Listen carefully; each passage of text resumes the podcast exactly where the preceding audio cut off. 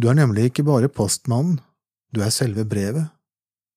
Du kan bare gi til andre fordi Gud først har skrevet på deg, og hele tiden får fortsette å gjøre det.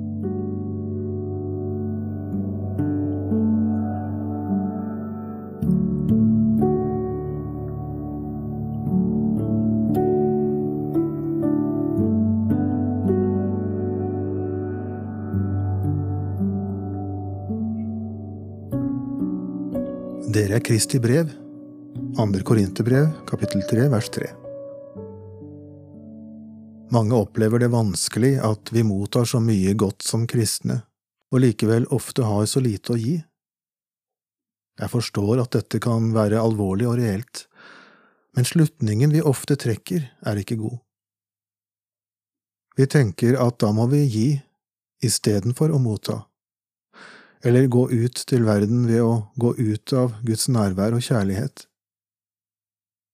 Vi tror vi må sette andre først ved å ikke motta det vi trenger aller mest. Dette fungerer dårlig. Du er nemlig ikke bare postmannen, du er selve brevet. Du kan bare gi til andre fordi Gud først har skrevet på deg, og hele tiden får fortsette å gjøre det.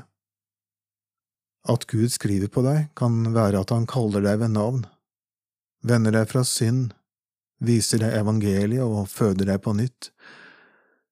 Det kan være at han gir deg sin mangfoldige helbredelse, viser deg sin dype kjærlighet, gir deg ekte håp, eller lærer deg å være sønn eller datter.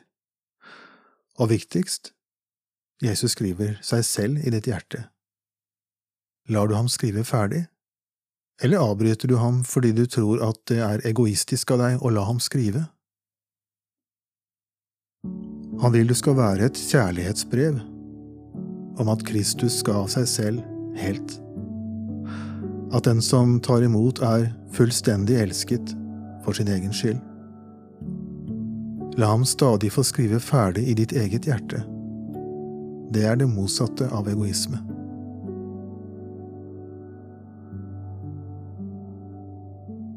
Du har hørt en andakt fra boka Vandrebok. Jeg heter Sverre Skilberg og har skrevet boken. Vi høres!